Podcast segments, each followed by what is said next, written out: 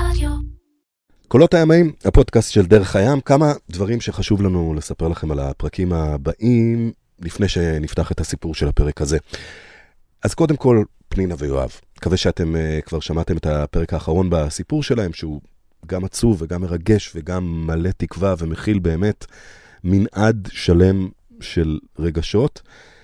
פנינה ויואב וגם אני מודים לכם מאוד על כל התגובות והמילים החמות שקיבלנו בשבוע האחרון, גם באופן פרטי וגם בקבוצת הפייסבוק של הפודקאסט שנקראת קולות הימאים, הפודקאסט של דרך הים.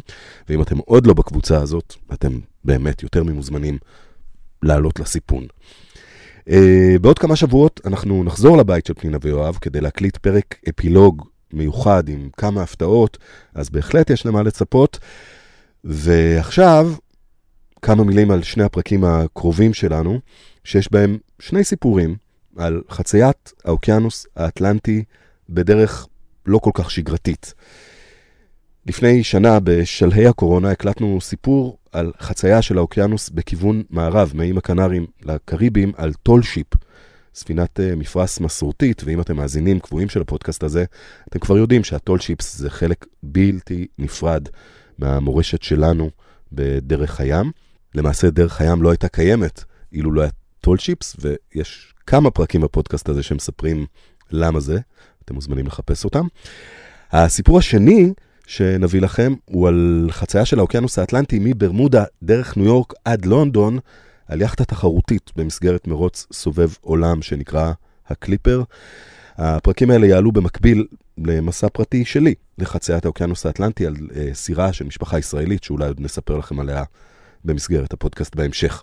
אז למה אני מספר לכם את כל זה? כי אני מקווה שתקבלו בהבנה שבועיים או שלושה של רוחות גביות שבמהלכם לא יעלו פרקים חדשים. אני מאוד מקווה שתהנו מהסיפורים שהשארנו פה מאחור. תזכרו שכיף להפליג בישראל גם בחורף, וכמו שאומרים לפני שחוצים אוקיינוס, נתראה בצד השני.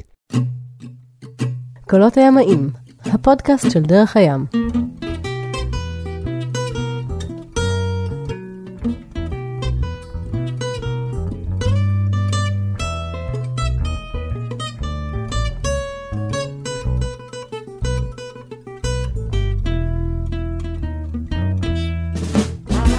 קולות הימאים, הפודקאסט של דרך הים, פרק נוסף, ואנחנו הפעם עם אה, איש אחד שחצה אוקיינוס, קוראים לו אמנון לוי, שלום. שלום, שלום. לא אמנון לוי מהטלוויזיה, לא, לא. צריך להגיד. גם אותו שואלים עליי כל הזמן, אז באמת? בסדר. לא, לא. כנראה שלא. וכפי שאמרתי, אתה חצית, אה, מה שנקרא בעונה האחרונה, את האוקיינוס האטלנטי על tall ship. tall ship, ממש מאחוריך יש פוסטר עמוס בספינות אה, מסורתיות, ואולי אחר כך נמצא עליו אה, את הספינה שעליה אה, הפלגת. מתי זה קרה בדיוק? יצאנו לדרך בסוף נובמבר, החצייה עצמה לקחה 19 יום, ואחר כך המשכנו עוד שמונה ימים בשיוט בין הקשה ומר, בין הקריבים, כמה איים בקריבים. אז סך הכל 28 יום היינו על הספינה. ומה הרקע שלך? בואו נתחיל משאלת השאלות, כן.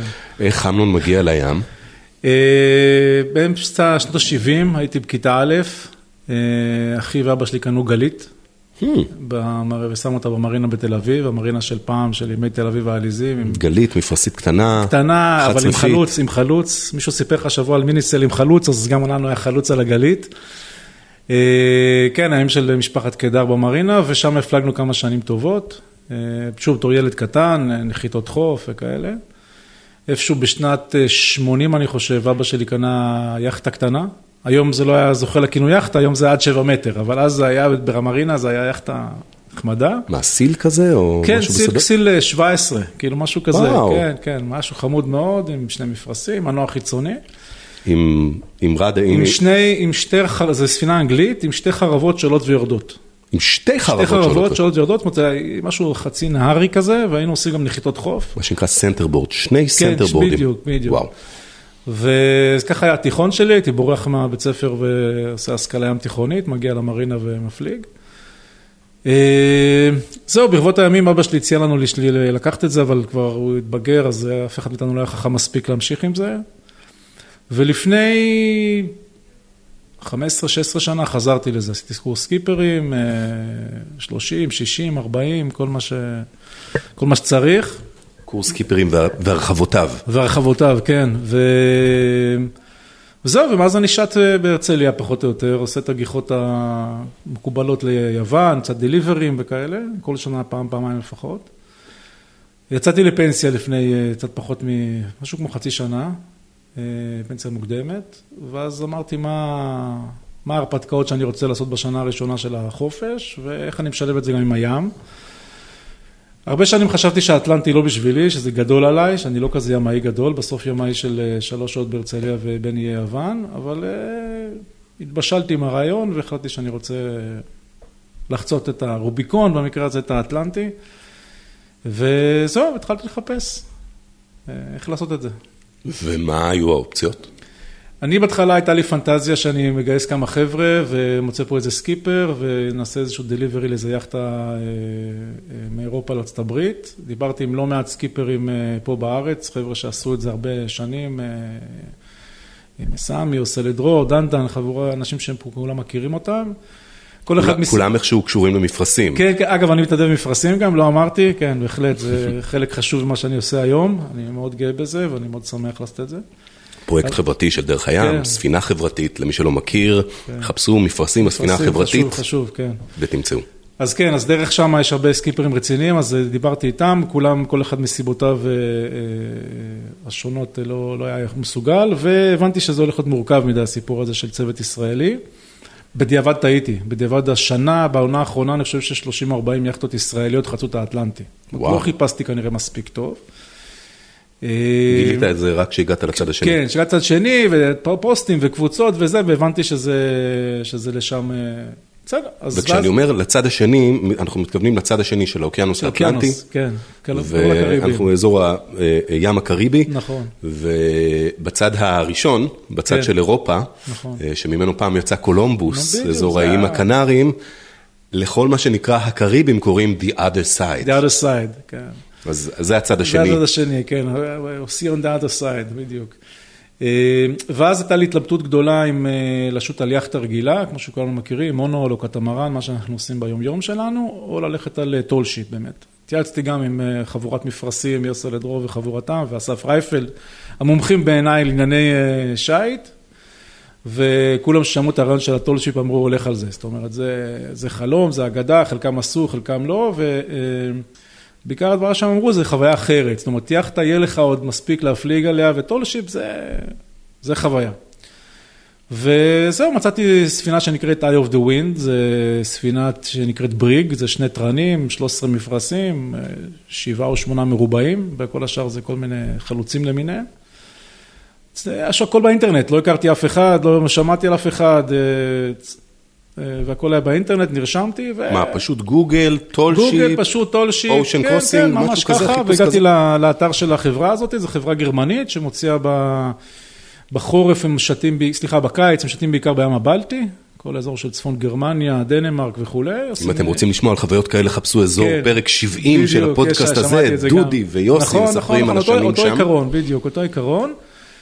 ובעונה הם עושים חצייה של ה... ההפלגות שלהם בדרך כלל ארבעה ימים שבוע, בעונה הם עושים חצייה מהקנרים לקריביים, שם הספינה נמצאת שלושה חודשים, או שלושה וחצי חודשים, ואחר כך חוזרים חזרה. וואו. כן, ואז מצאתי אותם, התחלתי התכתבויות, הרבה חששות, אני חייב להגיד מצידי, אמרתי, אני רוצה לדבר עם הקפטן בטלפון, אני רוצה שזה יהיה אמיתי ולא סתם איזה אתר באינטרנט. וזהו, נרשמתי, שילמתי וחיכיתי ליום הגדול. זה היה כמה חודשים טובים קודם, היה לי ציפייה די ארוכה. מה העלות, סדר גודל? החצייה עצמה, זאת אומרת, 28 יום על הספינה, פול בורד כמובן וכולי, נגיע לפול בורד כי זה היה נקודת מכשלה, עלתה 3,800 יורו. שא' זה הרבה, ב' זה לא הרבה, כאילו אני עשיתי חישוב פר יום, זה גם האוכל, גם המלון, גם האטרקציה, גם ההרפתקה, גם הזה, אז... ויש לי מאשתי קארט פלאנש לשנה הראשונה של הפנסיה קצת להתפרע, אז אמרתי, זה בהחלט נכנס בתקציב. אגב, כשעושים חציות אחרות, ומה שביררתי, זה בסדר גודל אותו תקציב, כי גם זה, אתה על ספינה וקפטן וכולי. זה... צריך לשלם על האוכל, צריך כן, לשלם כן, על הדלק אם יש. זה פחות או יותר יוצא אותו פרינציפ, אז זה ממש נראה לי על הכיפאק. אגב, כשביררתי על אה, לקחת אה, תא במונוהול, יש גם ספינות שנותנות את השירות הזה, זה יותר יקר. כי זה ספינות יותר קטנות, שישה אנשים, שמונה אורחים וכולי, אז העלויות שם יותר... נגענו במספר האורחים, כמה... או שנגיע קודם ליום הגדול שבו אתה פוגש את הסירה. כן, נגיע ליום הגדול, ואז באמת... ספינה. זהו, שגם איך קוראים לזה, זה ship, זה כאילו, ship זה ship, אבל בעברית זה יותר מסובך, אונייה, ספינה, יאכטה. כמה מטרים? היא 40 מטר. אונייה. אונייה, כן, בדיוק, זה לפי הגדרות שלנו זה אונייה, זה גם אונייה, זה באמת, אמרת, הזכרת מקודם את קולומבוס, אז אולי זה ככה לטפס על עצים גבוהים, אבל זה, אמרתי, אני רוצה לעשות משהו שעשו גדולים לפניי, אני לא מחפש דרך חדשה, ובהחלט אה, קולומבוס הוזכר, ולא פעם, לפחות במחשבות שלי. גם הסוג הספינה, דרך אגב, זה הספינות פלוס מינוס, אה, הספינה הזאת מ-1910. אז קולומבוס היה 400 שנה קודם, אבל הפרינציפ הוא אותו, למרות שהייתה מברזל ועץ, אבל הרעיון. אה, זהו, אז הגיע היום הגדול.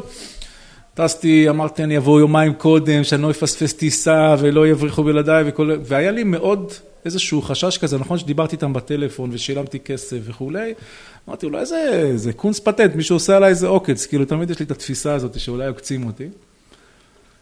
והגעתי, טסתי דרך מדריד, הגעתי לטנריף.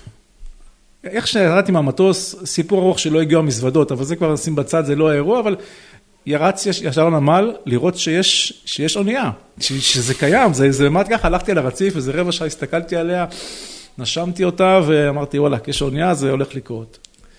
אה, זהו, עלינו לספינה, אה, יש, אה, הצוות מונה עשרה אנשים, הצוות הקבוע של הספינה, שזה קפטן, סקיפר, קצין ראשון, מכונאי, טבחית ועוד איזה שלושה דקן ושלושה מתנדבים. אה, זה הצוות שמפעיל את הספינה באופן קבוע. האורחים יש 12, זה שישה תאים זוגיים, ואז סך הכל היינו 22, זה ה-all in all, מה שנקרא.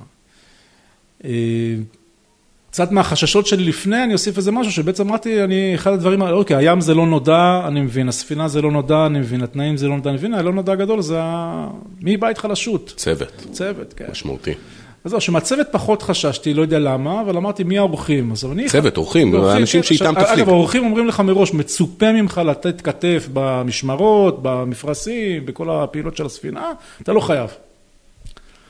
אני בעיני רוחי חשבתי, טוב, מי יבוא לזה? משוגעים לדבר. שם קוד אמנון לוי, לצורך העניין, אה, ימיים חובבים, חובבים יותר, חובבים פחות, שבאו להרפתקה הגדולה של לחטות האטלנטי ולהוסיף עוד איזה סימן על החגורה. אז זה קצת התבדיתי. מתוך ה-12 אורחים, רק ארבעה היו כאלה, השלושה ועוד אני.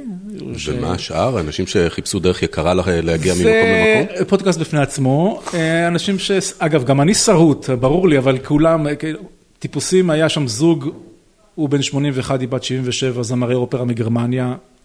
מה לא קשור. יצאו להרפתקה. כן, הייתה בחורה שהלכה את הקמינו סנטיאגו עשתה אותו ברגל ל-800 קילומטר, רצתה להמשיך לטייל בדרום אמריקה, אמרה, אני לא רוצה זיהום אוויר, אני לא טסה, אני חוצה בספינה. היה זוג, זוג אוסטרי, אגב, ישראלי יחידי כמובן לא אמרתי, היה זוג אוסטרי שהוא אמר לה שהם יוצאים לקרוז.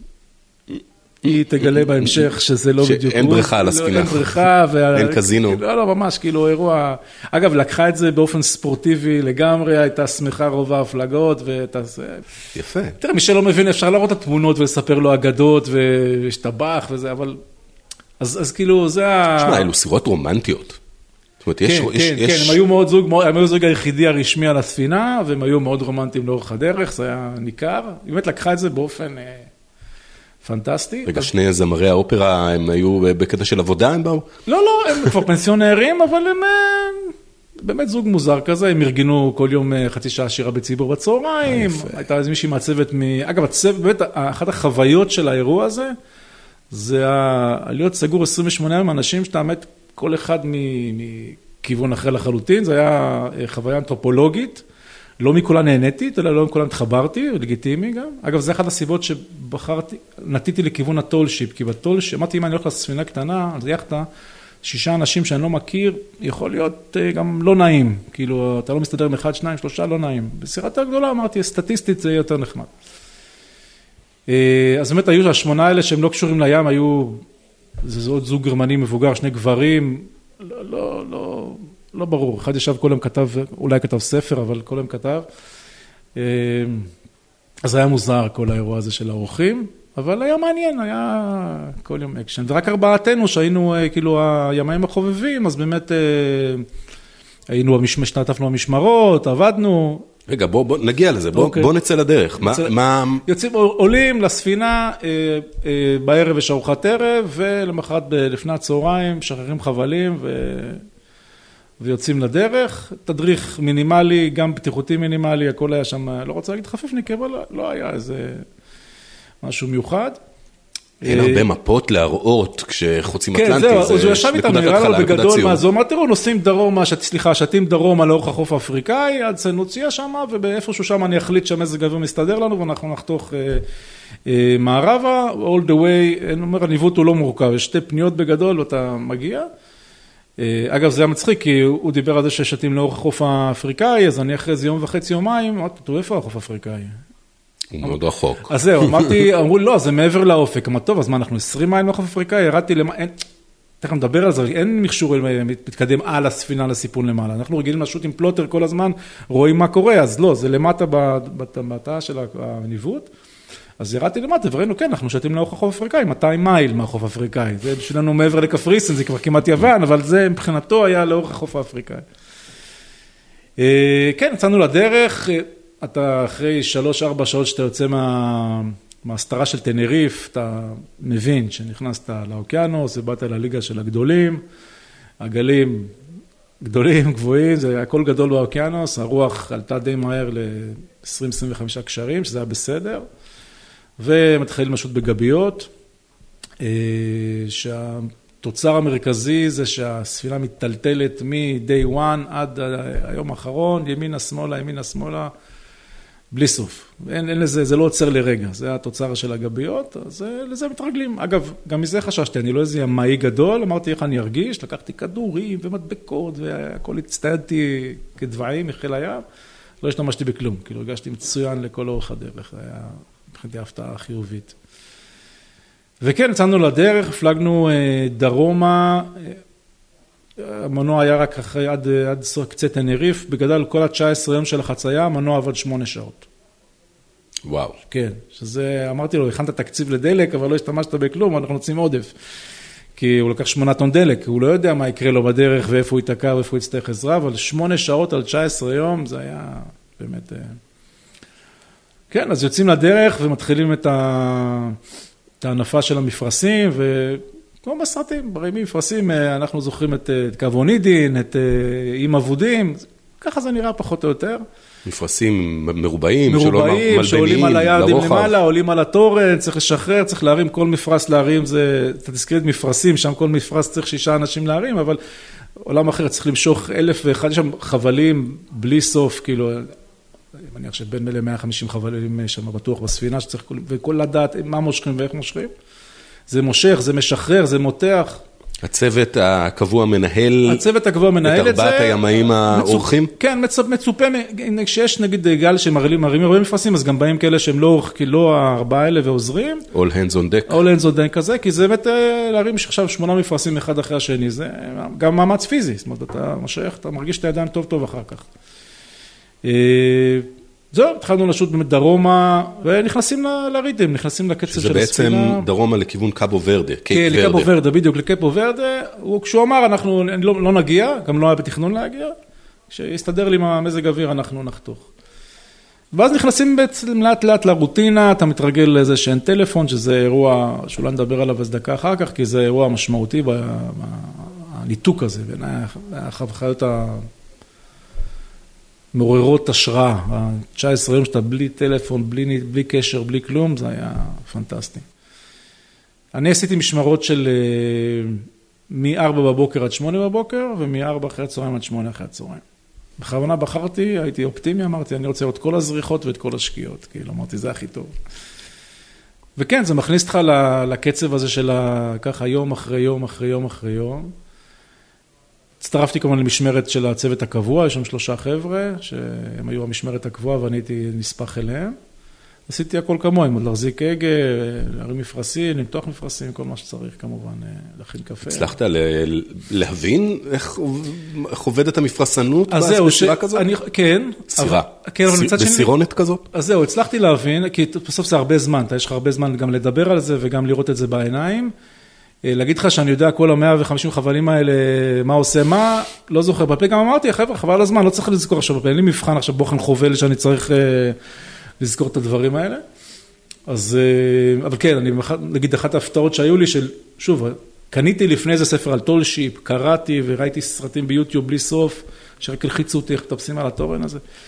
אבל נגיד כל הסיפור הזה שבעצם אפשר לחדד לרוח, פעם אי אפשר היה עם הספינות האלה, רק גבית, היום אפשר, הוא יכול לשוט גם 60 מעלות לרוח, שזה פנטסטי, אתה מזיז את כל ה yard בעצם, מזיז אותו ימינה שמאלה. יארד שהוא בעצם מנור עליון. נכון, יש כאלה שיש בהם, נגיד במפרשים, בעצם זה לא מפרש מרובע, מאחורה נגיד, במיזן כאילו זה שניהם יש לו, זה עולה ויורד כזה.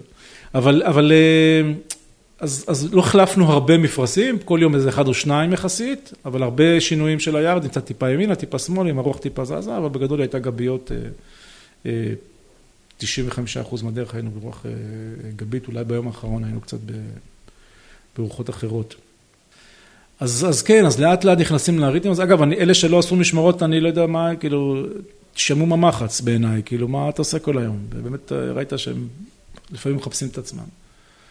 ואז נכנסים לריתים והטלטולים האלה זה משהו שבדיעבד אני מבין שגם פיזית זה משהו קשה, אני כמו שנראה אוכל לא מעט ואכלתי שם גם, אבל כאילו לא, אפילו הרזיתי כי את כל הגוף כל היום עובד. אתה אומר לחצות אוקיינוס על tall ship זה מרזה, כן, כן, ממש ככה, כותרת, שווה כותרת. אגב, אני חושב שגם על יאכטה, כי אתה כל הזמן בתנועה וכל הזמן צריך לשמור את הגוף ושרירי הליבה וכולי. האוכל בכלל אירוע אחר, נתייחס עליו עכשיו כי זרקתי איזה, בהתחלה איזה משהו, כאילו, הייתה טבחית מאנגליה. שלהרבה אנשים זה אומר הכל, זה באמת ככה אומר הכל. ידועים ביכולות הקולינריות המזעזעות שלהם. כן, בדיוק, ממש היה, ואני לא מפונק ואני אוכל הכל, היה איום ונורא, אבל זה, כן, כאילו, כמובן שהירקות נגמרים אחרי שבוע והפירות אחרי שבועיים, זה בסדר, לגיטימי, אבל גם אחר כך, חוץ מהמרקים טובים שהיא עשתה, זה היה, לא היה הצד החזק שלו, היה פורטה של ההפלגה בכלל. אז אתה מתרגל לסינגומנט הזה של המשמרות, של האוכל, של לנסות לישון, חם נורא, אחרי ארבעה חמישה ימים שכבר הדרמנו מאוד, נהיה חם נורא, התאים הם מאוד דחוסים וללא אוורור, אז היה גם קשה לישון בגלל החום, אבל זה כבר כותריי שאחרי די מהר הבנתי שאין לי מה לקטר, באתי לחוויה של החיים, אז זה חם, אז אני אשן פחות, אז אני חודש... זה לא שאפשר לרדת. כן, זה לא שאפשר לעשות עם זה משהו, אבל אמרתי גם זה, אני החליט שזה פחות מציק לי, האוכל והתא שינה וכולי.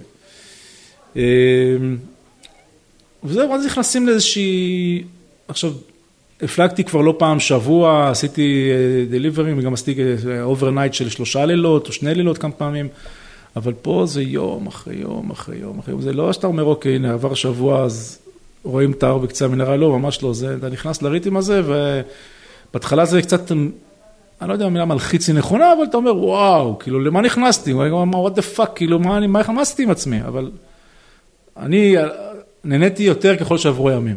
ככל שעברו ימים הרגשתי שאני יותר נכנס לנירוונה הזאת, לכיף הזה, לקצב הזה של הזה, וכמובן שהמראות הם הם אינסופיים. הים האינסופי הזה, את התחושה שאתה לבד, שאתה... יצאנו יום וחצי אחרי הארק. הארק זה האטלנטיק ראלי קרוסינג, זה בעצם איזשהו ארגון שמוציא, אה, אה, כמו פלוטילה ענקית, של אפילו בשני לגים עושים את זה, אחת שקצרה וארוכה. השנה היו שני לגים של הקצרה. שני לגים של הקצרה. כן, בגלל שמהקורונה... בזכות הקורונה. כן. הקצרה הזאת אומרת שזה קו ישיר בין הקנרים לקריבים, הארוכה עוצרת גם בקאבו ורדה, בקייפ ורדה. ובעצם יצאתם יומיים אחרי. אחרי. אז אמרנו, אוקיי, יש 200 יכטות לפנינו, אנחנו, עכשיו די מהר, שתנו מהירות ממוצעת של שמונה ומשהו קשרים. אמרנו, אנחנו, אני אמרתי לעצמי, כן, בואו... נראה מלא סירות נראה מלא סירות בדרך. בדרך, אז זהו, שלא. וממש שלא. הים גדול. ראינו בכל החצייה חמש יכטות, וגם הם מאוד מאוד מרחוק ולכמה דקות, אבל גם ב-AIS, לא רואה כלום.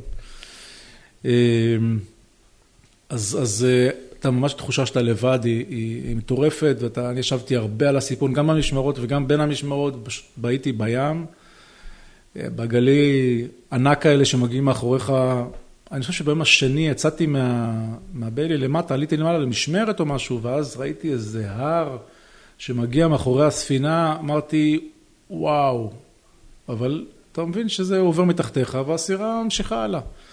אבל זה באמת גלים הרים, מה שאנחנו פחות מכירים בים התיכון.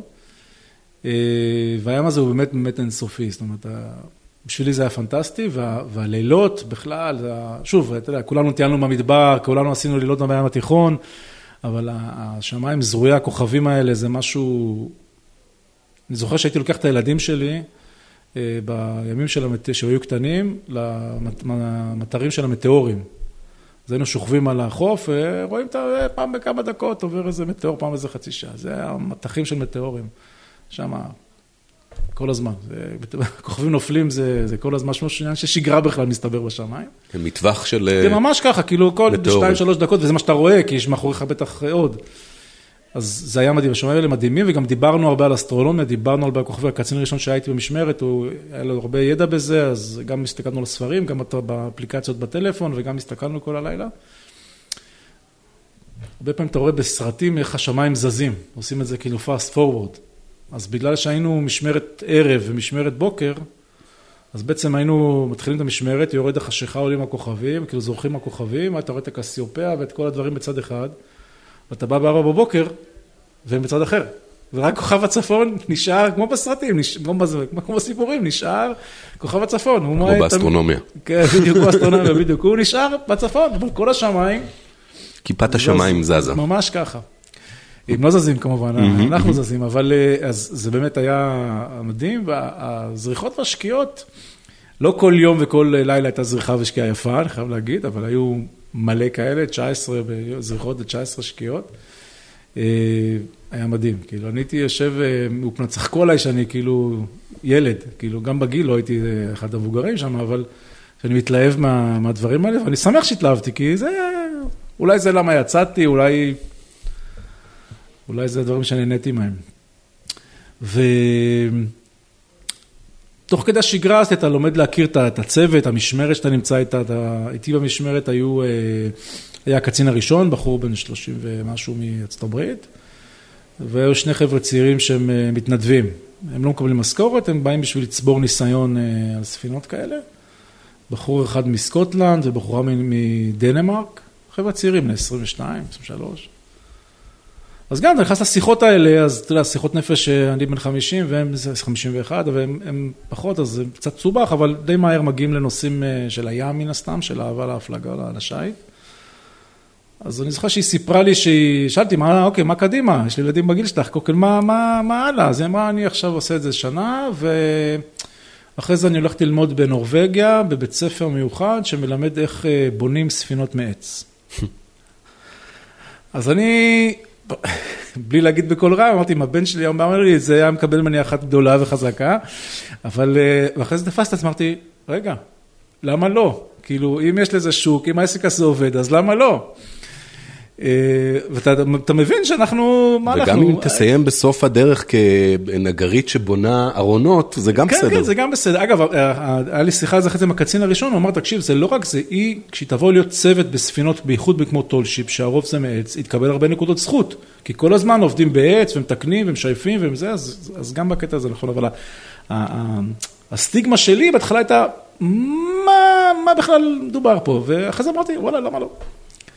הבחור בסקוטלנד הוא חולה ים, וגם ים של סקוטלנד זה כנראה ים שמתחשלים בו בצורה רצינית. אז הוא קנה עכשיו סירת עץ של תשעה מטר, עם שני תרנים האמת, כאילו משהו כנראה רציני, רק תמונות. הוא אומר, אני הולך לעשות סטאז' על הסירה הזאת, אני אשפץ, אני אפרק, אני אבנה, אני אפליג, אני אשוט כמה שנים, ואחרי זה אני אתקדם. אז באמת החבר'ה האלה הם משוגעים לדבר. יש, הם אמרו שסדר גודל בין 100 ל-200 ספינות כאלה בכל העולם, סדר גודל. תכפיל את זה בצוותים, אז זה אלפיים איש בכל העולם שעושים את זה, זה חבורה של משוגעים לדבר. כת קטנה. כן, ממש כת קטנה של, אה, של משוגעים לדבר, שהם, תן להם לרוץ למעלה על היארדים ולתרנים, הם עפים על זה. אני עשיתי את זה פעמיים, רק כשהספינה הייתה עומדת ויציבה, וגם זה הבחין אותי. אבל הספינה מיטלטלת, הם עולים למעלה, רק, רק תן להם. רק נקרא מפרש, איזה כיף, מורידים, מתחילים לתפור אותו חוט ומחט, כאילו בשבילם זה היה... היו מיומנויות, אגב, מיומנות כזאת כמו לתפור מפרשים, היו מיומנויות שאתה מרגיש כימאי של העולם הרגיל, כן. של רגיל, כן. של יאכטות, כן. אה, שלמדת, ש, שהרווחת מהמסע הזה?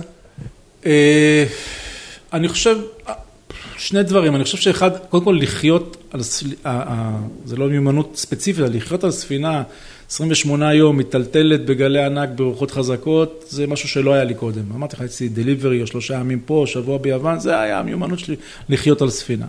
אז זה דבר אחד שהוא לא מיומנות ספציפית. אה, החזקת הגה, ההגה, דיברנו על זה מקודם באיזה חצי מילה, אין, אה, על הסיפון אין מכשור אלקטרוני. יש מצפן, הגה ידני, אין הגה אוטומטי, הגה קטן גם שצריך מלא סיבובים לכל קצת בשביל אה, להתחיל את הספינה. וזהו בערך. ה-GPS, AIS וכל הדברים האלה, למטה ב, ליד התא של הקפטן, זה לא משהו שנגיש אליך, הם מן הסתם עוקבים אחרי זה, אבל זה לא משחק משחק ביום-יום. אז הגה זה 24-7, אז אם אתה 4 שעות אה, במשמרת, סטטיסטית מחזיק לפחות שעת ההגה. אה, וההגה הזה והספינה הזו והגלים הענקיים האלה מאחורה והגביות, אני אחרי שעה הייתי יוצא סחוט, סחוט לגמרי. כאילו, עכשיו אמרו לי להחזיק כיוון 180 נגיד בלג הדרומי, או אחר כך 270 או 240 בלג המערבי. אני, לקח לי הרבה זמן להבין איך שומרים ולא זזים 10 ימינה, 10 שמאלה, 10 ימינה, 10 שמאלה, וזה כן הם לימדו אותי איך עושים את זה, לא להגיד לך שהייתי מצטיין דיקן, לא, אבל אה, זה באמת מיומנות שאני חושב שאני, שוב, היא לא בהכרח פרקטית. יש סכנה של מהפכים בסירה כזאת? לא, כמעט ולא, כמעט ולא. אתה לא רוצה להיכנס למהפך, אבל אתה, זה גביות ומלאות, אבל בגלל שהמפרשים גם ככה בנויים, זה לא שהמנור עכשיו עובר עם הכל, כמעט בכל ההפלגות האלה, את המפרש האחורי שהוא כל מפרש כמו שאנחנו מכירים רגיל, כאילו עולה זה מה שאומרת, יש לו יארד למטה ויארד למעלה ומעלים את הזה, אז כמעט ולא השתמשנו בו, כי שוב, הקטע הזה שא' זה לא נותן הרבה ברוח גבית, אם בכלל, וב' לא רוצים שהמנור הזה יזוז וגם להימנע ממהפכים. אז מהפכים לא, זה לא אירוע הזה, אבל לפעמים אתה מפספס ומישהו לא ערני או בא איזה גל גדול, או מסיט כל הסירה 30-40 מעלות, אתה מרגיש שכל העסק... אה, אגב, מה שלא מקובע, כאילו, אמרתי לך, טלטלת ימינה-שמאלה. אה, מה שהשארת על המיטה ולא... כן, לא, לא, מה, אין, אין, לאכול זה אירוע, לאכול... אה, זה יד אחת מחזיקה את הקערה של המרק או את הצלחת עם האוכל, יד אחת את הסכו"ם, זהו, כי אתה חייב, אין, אתה לא יכול להשאיר צלחת לשנייה אחת על השולחן. אז 19 יום של טלטלות. ממש ככה, ממש ככה. שאלה, שתמיד מעניינת אותי כשאנשים אומרים לי, יצאתי לחצות אוקיינוס. מה תכננת לעשות כשתגיע? בהנחה שנגיע והכל יהיה בסדר. אז רגע, סיפור ו... על ההגעה, ואז אני אגיד לך מה אני חושב שתכננתי לעשות. וקדימה. הגענו בגלל כל הסיפור, אגב, ניתוק בתקשורת, אנחנו יצאנו, לא היה אומיקרון. חזרנו לתקשורת, היה פתאום מגפת אומיקרון בעולם. גל חדש של קורונה. כן, בתי שדה תעופה נסגרו, אי אפשר היה לנסוע לצרפת, מלא דברים השתנו ב-19 האלה. ואז הגענו, ב... בגלל כל הסיפור של הקורונה, אנחנו, הציר שלנו לקח אותנו לדומיניקה. ממש הגענו על האי דומיניקה, אותו ראינו ראשון, שזה גם אירוע, כל דבר מתערבים שם, מה רואים, איך רואים, מי יראה את הראשון, באיזה שעה וכולי. מה זאת אומרת, מתערבים, שמים כסף? כן, על כל דבר יש סכום מחברת, על כל דבר הם מתערבים. כמה טלטולים תעשה הספינה, מי יראה ראשון את היבשה, כמה דגים מעופפים יהיו לסיפון, כמה דגים לתפוס בדרך, מי הראשון שיראה את היבשה, באיזה שעה נזרוק עוגן, היו שם איזה 20 סעיפים. ו... כל אחד שם דולר. אה. כל אחד שם דולר על כל סעיף שהוא הימר. אנשים יצאו עם קופות יפות? אני יצאתי עם 30 דולר, אבל אמרתי שביום האחרון שעשינו את המסיבה ואת הזה, אמרתי כל הכסף הולך לבקבוקי היין לכולם. מה אני 30 דולר? אז זה מזלי, הייתי הראשון, אז אחרי זה כולם עשו אותו דבר, אז שתינו הרבה הרבה ב... ביום האחרון. אבל בקיצור, הגענו לדומיניקה, ואז בגלל שזו מדינה עצמאית ושם צריך בדיקות PCR, אז המשכנו טיפה צפונה לאי שנקרא מארי גלנט. בחיים לא שמעתי את השם הזה בכלל לפני זה. אה, שמעתי גודלופ, שמעתי מרטיניק, שמעתי... לא שמעתי מארי גלנט. אז המשכנו. הם מלאים באיים, יש כן, יש שם יש מספיק לכולם. וגם חשבתי שזה אי קטן בגלל שלא שמעתי, מסתבר זה אי גדול. ואז הגענו למרי גלנט בצהריים. אה, זרקנו עוגן. אין, כמעט ואין מרינות בקריבים, ברוב המקומות לפחות. רק במקומות הגדולים יש, אז הכל זה עם עוגן אה, במפרצים. ואז ירד הקצין הראשון עם עוד איזה אחד החבר'ה, והלכו לקוסטומס עם הדרכונים וכאלה. הסיפור שנסענו למרי גלנט כי זה אי צרפתי, ואז אנחנו באנו מטנריף שזה ספרד, אז כאילו נשארנו באיחוד האירופי. לא היינו צריכים בדיקות קורונה ולא שום דבר. וחזרו, היה בדיק בעיות עם המכס, כן אישרו, לא אישרו, הם בחופש, קריבים, כן, הם בחופש היום, יום שני הם בחופש, הם לא נמצאים היום. לא חשוב. גם אחרי- היום גם היום, בחופש. כן. בקיצור, אחרי שעתיים של כנראה ויכוחים וצעקות שהיו שם, אישרו לנו לרדת באיזה שש וחצי בערב. אני אמרתי יאללה חבר'ה, דינגי ויורדים לחוף, אנחנו 19 יום פה על הדבר הזה. אז אמרנו, האורחים עם שריטה, אף אחד לא רצה לרדת. כאילו, מה, כבר ערב, נרד מחר, מה, בוא... אני הייתי באטרם, אמרתי, מה זאת אומרת, היינו 19 יום, חצינו את האטלנטי, חייבים לרדת לחוף. שכנעתי עוד שניים, לקחנו את הדינגי וירדנו לחוף, אבל זה היה בעיניי הזיה, הקטע הזה של מה, מחר, מה, מה בוער. קשה להיפרד מהחוויה הזאת, אתה יודע. אני לא חושב שזאת הסיבה, יכול להיות, אבל אני לא, לא בטוח שזאת הסיבה שלהם. אבל... הנגיעה ביבשה היא הסימן שזה שזה אובר. נגמר, כן, יש בזה משהו. כן, אתה יודע, גם אתה עושה, עשינו מסיבת אמצע הדרך, אז פתאום נופל לך אסימון, רגע, הרוב אה, מאחוריי. כל מיני כאלה סממנים שאתה מתחיל... אה, עוד מאחוריך, ותוך כדי המסיבה אתה עוד מת- ממשיך להתקדם ברור, לקראת הסוף. ברור, עוד כמה מטרים, כן. אה, מה הייתה השאלה? השאלה הייתה, האם תכננת מה תעשה כשתגיע? אז נשקת את האדמה. נכון, נשקתי את האדמה. באמת ב- נשקת את באמת האדמה? נשקתי, יש לי אפילו תמונה, אני נושק את ה... הזוג שירד איתי חשב שאני פסיכי לגמרי. אמרתי לו, זה מהעלייה מתימן, הם אה, נשקו את האדמה בבן גוריון. והם יודעים. כן. אמ, אז קודם כל חצינו די מהר, 19 יום זה יחסית, אה, יחסית מהר, אז נשארנו 28 יום, נשארנו עוד שבוע אה, לטייל בין האיים הקריביים, שזה היה מאוד נחמד. כל יום היינו באי אחר, ירדנו, הסתובבנו, הלכנו וכולי. כמו שאמרתי לך, אני תוך כדי השנה הראשונה של הפנסיה שלי, אז אני ככה, כל זה סביב טיולים ועשייה וכאלה, אין לי איזה חלומות גדולים. אני, קודם כל זה מצא חן בעיניי. ולא לא ידעתי שזה מצא חן בעיניי בהתחלה, אמרתי אולי אני אסבור, אולי אני אגיד זה לא בשבילי, אולי אני אגיד זה... אז הדבר היחידי שזה מצא חן בעיניי, הדבר היחידי שאמרתי שזה ארוך מדי. זאת אומרת, אני אעשה, אני רוצה לעשות דברים כאלה, אני רוצה לעשות דברים כאלה בשני סגמנטים שונים, אחד זה שאני לא כזה ארוך, לצורך העניין מחר אה, אה, אה, פורטוגל קנרים נראה לי אחלה, זה שישה, שבעה, שמונה ימים, נראה לי כיף גדול, או אזורים או משהו כזה, אני בהחלט אעשה עוד דברים כאלה. בפסיפי אני לא חולם, כי לא בטוח שאני מסוגל להרים דבר כזה, ואני אעשה את זה על יאכטה, על מונול או קטמרן, אבל כאילו אני אעשה פעם משהו אחר. אז זה כאילו האתגרים הימיים הבאים. אה, תראה, צוחקים עליי שאני כל פעם מחפש את החלום הבא, טיפסתי על קילימנג'ארו, הייתי באנטארקטיקה, עכשיו חציתי את האטלנטי, אז אני תמיד טיפוס שמחפש את. את האתגר הבא, אבל אני גם לוקח לי זמן לחפש אותו, זאת אומרת, לא ירדתי ואמרתי, אוקיי, סיימתי, עכשיו אני הולך לעשות את הפסיפי. זה לא, ה... זה לא המקרה. אה, כן, אבל זה היה... אמרת שזה כאילו נגמר, כן, הרגשתי איזשהו, אה, לא רוצה להגיד עצוב כאילו, אבל כאילו זה לא, לא הייתי עצוב, הייתי מאוד שמח וגאה בעצמי. אני, היה קטעים שבאשמורות לילה הייתי מחזיק את ההגה, אז חושך מצרים, אין שום תאורה ושום דבר, אתה מרגיש את ה... למרות שיש לך איזה שני אנשי צוות לידך, אבל אתה מרגיש את הלבד, הרגשתי שאני קולומבוס. כאילו, קצת דבילי אולי, אבל הרגשתי שאני קולומבוס, כאילו בשביל זה באתי להחזיק את ההגה על בריג ענקית מ-1910. עם שמונה, תשעה, עשרה מפרשים בש... בא... באוויר, והיה רק הים הזה, זה היה בשבילי משהו מאוד מאוד מאוד ממלא, ויותר מה, שציפיתי לשמחתי גם. תכננתי להיות עוד כמה ימים בקריבים, אמרתי אולי נגיע ביום האחרון, אז מה הגעתי לקריבים, לא נהיה בקריבים, כי הייתי פעם בבאמאס לפני הרבה שנים, לא, מעבר לזה בקריבים לא הייתי. אבל הכל השתבש, כל האומיקרון הזה טרף את העולם, כאילו אי אפשר היה לטוס לצרפת, כי צרפת הייתה סגורה, ומהקריבים הצרפתים בדרך כלל טסים לצרפת. רגע, היה לך כרטיס חזור? היה לי כרטיס לחזור, אבל אז שיניתי אותו, והכל, זה מדינת עולם שלישי הקריבים, איפה שאנחנו היינו לפחות. אמרו לי, תעשה בדיקת אה, PCR באיזה בית מרקחת, מצאנו בית מרקחת, הלכתי לבית מרקחת שכתוב שאשתי והשכנה הצרפתייה שלנו, הכל בצרפתית עשינו כאילו בשביל למצוא איפה אני הולך. מצאתי בית מרקחת, נסעתי מונית, הגעתי לבית מרקחת, אמרו לי, וכתוב שהם עושים היום. לא, אנחנו החלטנו שאנחנו לא עושים היום. אבל אני צריך לטוס מחר. תנסה בעיירה ליד. לקחתי מונית לעיירה ליד. קיצור, הרפתקאות. אז לא, בסוף טסתי למיאמי. אה, זה היה בדיוק Christmas, היה בדיוק חג המולד, הלכתי לבקר את האחיינית שלי שגרה ב... באלבמה איפשהו. היא שם איזה שליחות, הייתי כמה ימים אצלה, ואחרי זה התחלתי לחזור הביתה גם, אל על ביטלו טיסות, הייתי צריך להחליף הרפתקה, לא ימאית ולא זה, אבל זה היה החלק הקטן בכל האירוע הזה באמת. אז בעצם אפשר לומר שחצית אה, אוקיינוס כדי פשוט לחזור חזרה. לא, חציתי את האוקיינוס בשביל לחצות את האוקיינוס. לא בשביל לחזור חזרה. אה, לא המשכתי לטיול בדרום אמריקה, לא המשכתי תעלת פנמה ומשם לפסיפי. המטרה הייתה, כן, זה מה ממש שנקרא, היה... הדרך. הדרך, הדרך, ממש הדרך. לא, לא ה...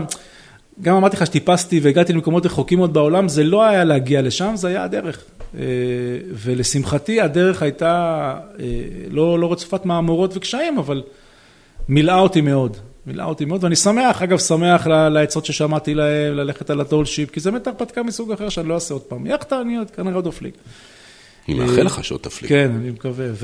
ושהמליצו לי כן ללכת על הדבר הזה, למרות שאמרתי לך, בהתחלה חששתי, אמרתי, אני לא איזה ימאי גדול. אמרו לי, תלך על זה. כולם צוחקים שהחצייה הזאת זה חצייה קלה. ללכת בכיוון מערבה בעונה הזאת, זה נכון. החציית הקלה של האוקיינוסים. סבבה, טוב לי שככה התחלתי. הדרך חזרה לאירופה, זהו, היא יותר קשוחה. קשוחה יותר. הבנתי שברמודה למעלה וברמודה לאזורים זה אירוע אה, יותר מורכב. אה, כן, אז זה, זה, ה- זה הייתה הרפתקה, היו עוד כאלה. אמן. כן, כן. אמנון לוי, תודה רבה רבה על הסיפור הזה, הימי הזה. תודה לך. האיש שחצה את האוקיינוס על tall ship, אה, וחזר כדי חזר. לספר את זה. אה, תודה, תודה לך, ואני מאחל לך עוד המון המון הפלגות ועוד המון אה, דברים מסביב לעולם. להתראות. ביי ביי.